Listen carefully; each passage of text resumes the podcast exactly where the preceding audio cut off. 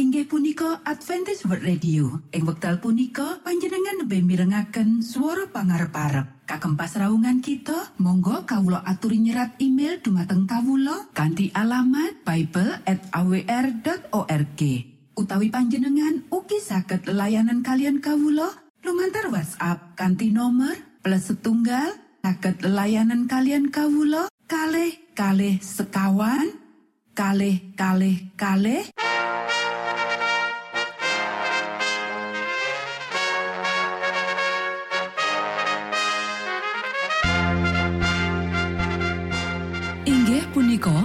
Adventis World Radio ingkang giaran kanti basa Jawi. Tentrem Rahayu kula aturaken kagem poro Mitra kinasih ing pundi papan lan panggonan.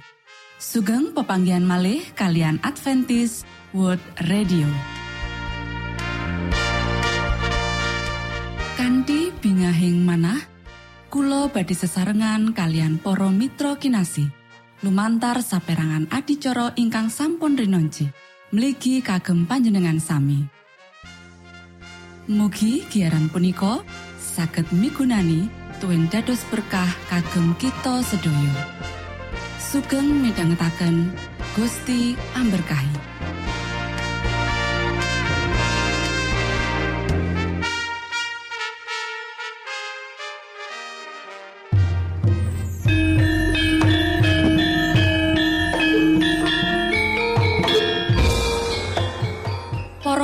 Para pamirsa kinasih ing Gusti Yesus Kristus.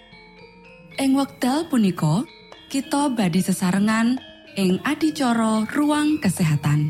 Ingkang saestu migunani kagem panjenengan saha kita sami.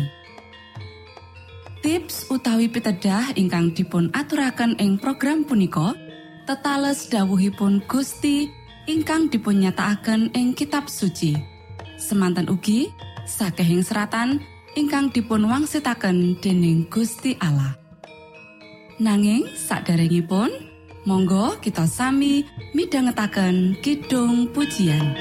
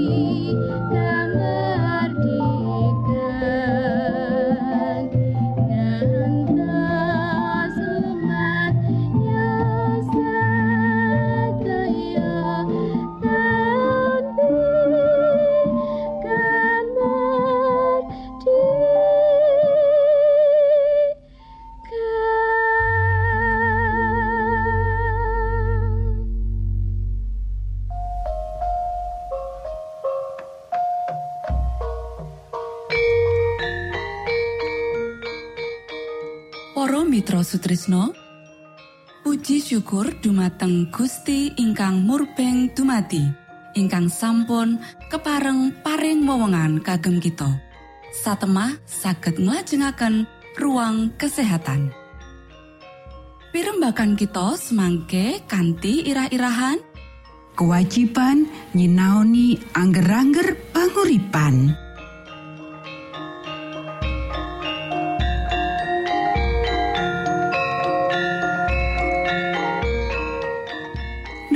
Dumateng para pamiarsa ingkang dahat kinurmatan, sugeng pepanggihan malih kalian kula Isti Kurnaidi ing adicara ruang kesehatan. Ing dinten punika kanthi irah-irahan, kewajiban nyinaoni angger-angger panguripan. Para sedherek ingkang kinasih, panguripan fisik ora bisa dilakokake kanthi cara kang sawiyah-wiyah. Kita kudu nyadari tanggung jawab kita. Orang gagas karo fisiologi lan laling rumat angger-angger kapakas warasan wis nggawa wong akeh mlebu nyang kuburan kang kudune isih urip kanggo makarya lan sinau kanthi lantip. Kanggo kenal kanthi becik organisme manungsa kang ajaib, balung, otot, weteng, ati, usus, jantung, lan pori-pori kulit, lan kanggo mangerteni gumantungi sak organ marang organ liyane kanggo kerja kang nyehatake saka sakabehe. Mujudake sawenehing pasinaon, ing ngendi saperangan gedhe ibu-ibu ora duwe greget. Sinaono organisme kang migunakake iku sistem badan menungso lan angger-angger kang ngatur. Menawa wong-wong bakal tetimbangan penyebab nganti tekan pengaruhe lan ngetutake lagune, mula dheweke temtu bakal golek dalan kang bakal mesthekake kesehatan lan mortalitas bakal saya kurang. Kabeh kang duweni kaprikelan umum kudu mangerteni kabutuhan sistem badane dhewe. Para sedherek ingkang kinasih, bab kang paling wigati tumrap priya lan wanita ya iku kanggo diwenehi pangerten bab panguripan manungsa lan jroning cara-cara kang luwih becik jroning rumat lan oleh kapakas warasan fisik. Mligine wektu enom, mujudake sawening wektu kanggo diwenehi pangerten kang diwujudake jroning panguripan saben dinane saklawase urip. Para sederek, wong-wong kang wis mapan ing posisi kang menehi pengaruh, ora ngajeni pakaryan kang sawetara suwe wis dilalekake. Dheweke nganggep luwih wigati dadi para siswa saka jadwal pasinaon kang kurang duweni pengaruh marang agen menungso. Ma ewu-ewu wong ora mangerteni apa wae babakan badan lan kepiye ngrumat badan iku. Daud meratelakake Aku didadekake kanthi rame-rame lan ajaib. Lan nalika Gusti Allah wis maringi kita papan kaya kuwi, kena apa saben perangan ora diselidiki kanthi teliti?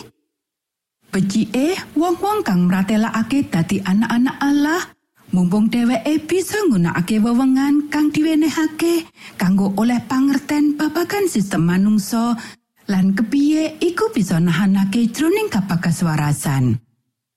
Gusti Allah ora bakal maringi mujizat nahanake kapakaswarasan sawijining wong kang ora bakal nggawe budidaya oleh pangerten sak mampune ngenani papan ajaib kang wis Gusti Allah paringake. Kanthi nyinauni perangane badan menungso, kita kudu sinau dandani opo kang mungkin salah jroning padatan kita lan menawa ditokake ora dibenerake pasti bakal gawe akibat leloro lan panandang kang gawe panguripan iku saweneng beban. Kudune pikiran tadi lantip lan kekarepan dipapanake jajar Gusti Allah lan bakal ono tandanan gumunake jroning kabakaswarasan fisik.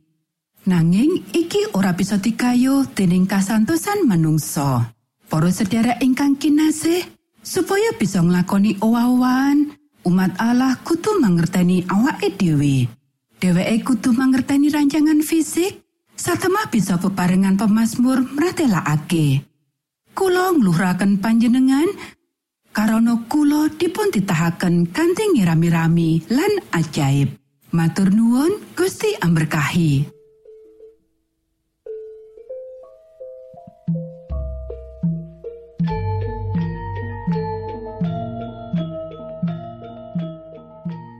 Cekap semanten pimbakan ruang kesehatan ing episode dinten punika. Ugi sampun kuatos jalaran kita badhe pinanggih malih ing episode sak lajengipun.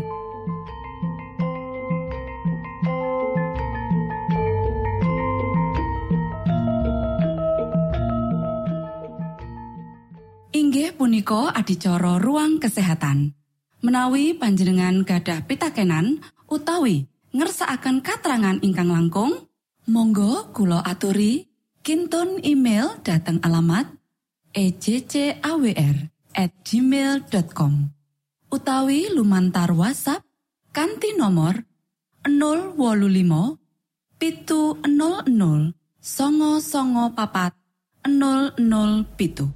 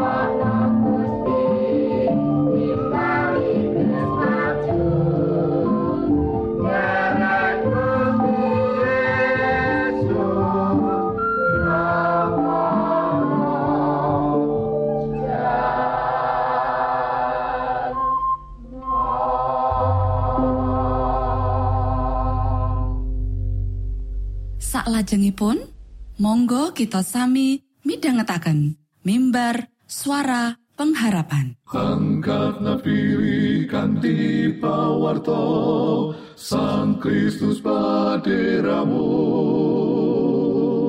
Pro umat samyo puji asmanyo Sang Kristus paderamu. Inggih punika mimbar suara pengharapan. Ing episode punika kanthi irah-irahan. Katresnane Romo Abraham kanggo sakabe wong. Sugeng minangka tondo Sang Kristus paderamu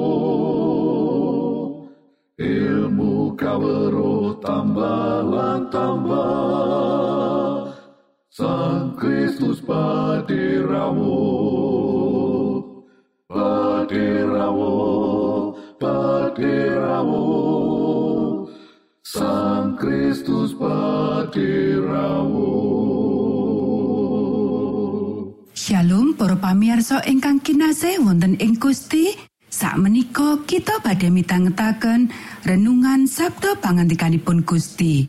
Ing dinten punika kanthi irah-irahan katresnane Romo Abraham kanggo sakabeh wong. Para sedherek ingkang kinasih, dawuh pangandikane Gusti ing kitab Purwaning Tumati pasal 18 ayat siji lan loro yaiku Sawise mangkono, Sang Yahwa ngatingal marang Romo Abraham ana ing sacedhake wetar bantin ing Mamre. Nalika pinuju lenggahan ana ing lawanging tarupe, wayah awan beneri panas gumemplang.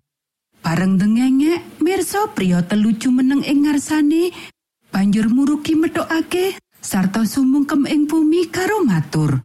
Duh para bendoro, menawi kula mangkesih wonten ing ngarsa panjenengan, mugi tindak panjenengan sampun ngantos nglangkungi ingkang abdi. Para sedherek ingkang kinasih, kualitas kapindo saka Rama Abraham kang katulis ing Purwaning Tumati pasal 18 yaiku katresnane marang wong-wong, malah marang wong-wong kang ora dikenali kanthi pribadi. Tumindak iki minangka tulodo kang apik menggahing kita. Wong Sodom lan wong Gomora kuwi minangka wong kang tumindak dosa. Ado banget saka pambijine nanging atine kebak karo rasa katresnan kanggo wong-wong kabeh tanpa mbedakake ras, jenis menungso, poso utawa agama. Pangeran Yehuwa Allah banjur mratelakake marang Romo Abraham kaputusane kanggo numpes kutha-kutha saka Sodom lan Gomora.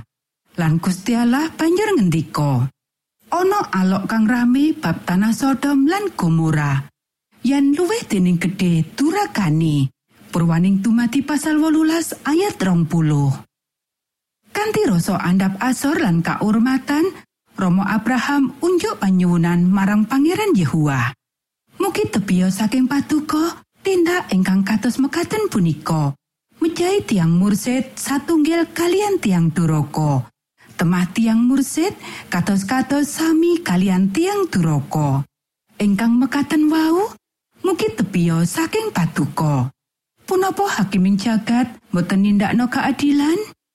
Para sedherek ingkang kinasih, jalaran saka katresnane, Romo Abraham nyuwun sapisane bisa nyelametake sakabeh wong-wong ing kutha kono, ora mung wong kang mursid wae.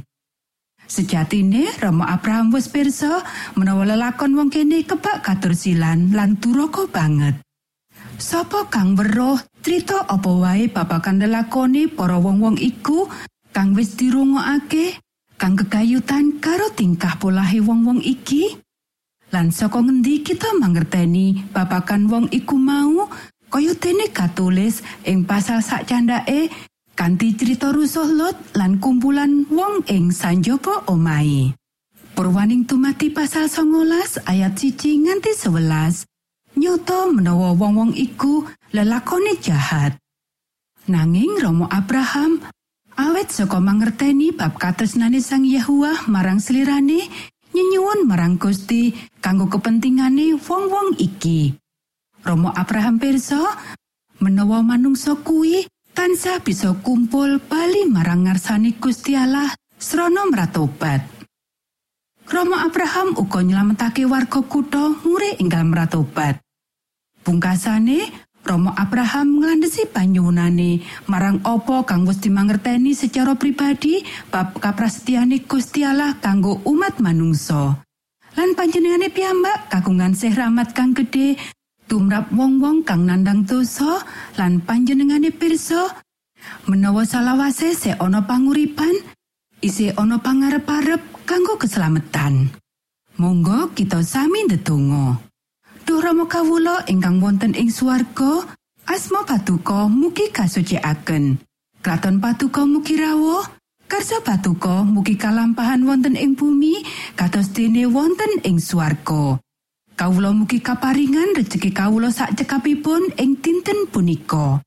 Saha patuko mugi ngapunten kalepatan kawula kados dene kawula inggih ngapunteni tetiang ingkang kalepatan dhateng kawula. Punapa dene kawula mugi sampun ngantos katantukaken dhateng ing panggoda nanging mugi sami patuko uwalaken saking piawon. Awit dene patuko ingkang kagungan kraton saha wiseso tuen kamulyan salami laminipun. Amin.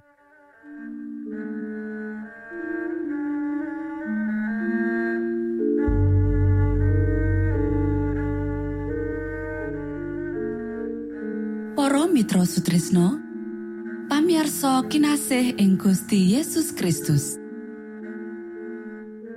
Sampun paripurno pasamuan kita ing dinten punika.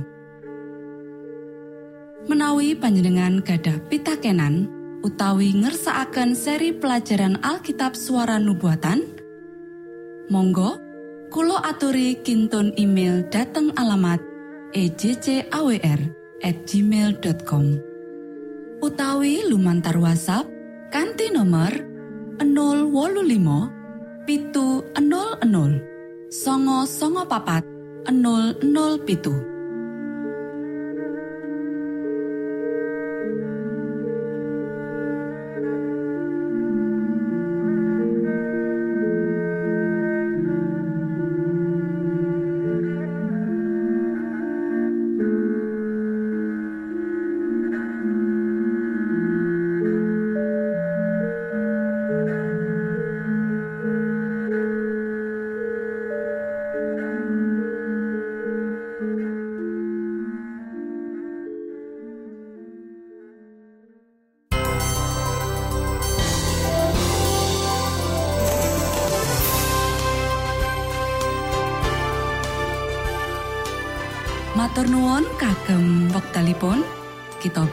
pinanggih malih ing gelombang ugi wekdal ingkang sami. Saking studio kula ngaturaken tentrem rahayu. Gusti amberkahi kita sedaya. Maranata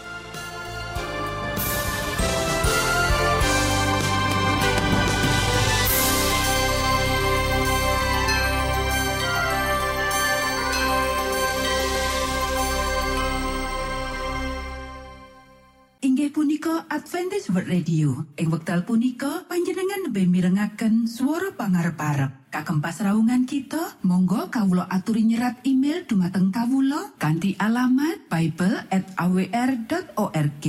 Utawi panjenengan ugi saged layanan kalian kawula lumantar WhatsApp kanthi nomor plus setunggal saged layanan kalian kawula kalih kalih sekawan kalih kalih kalih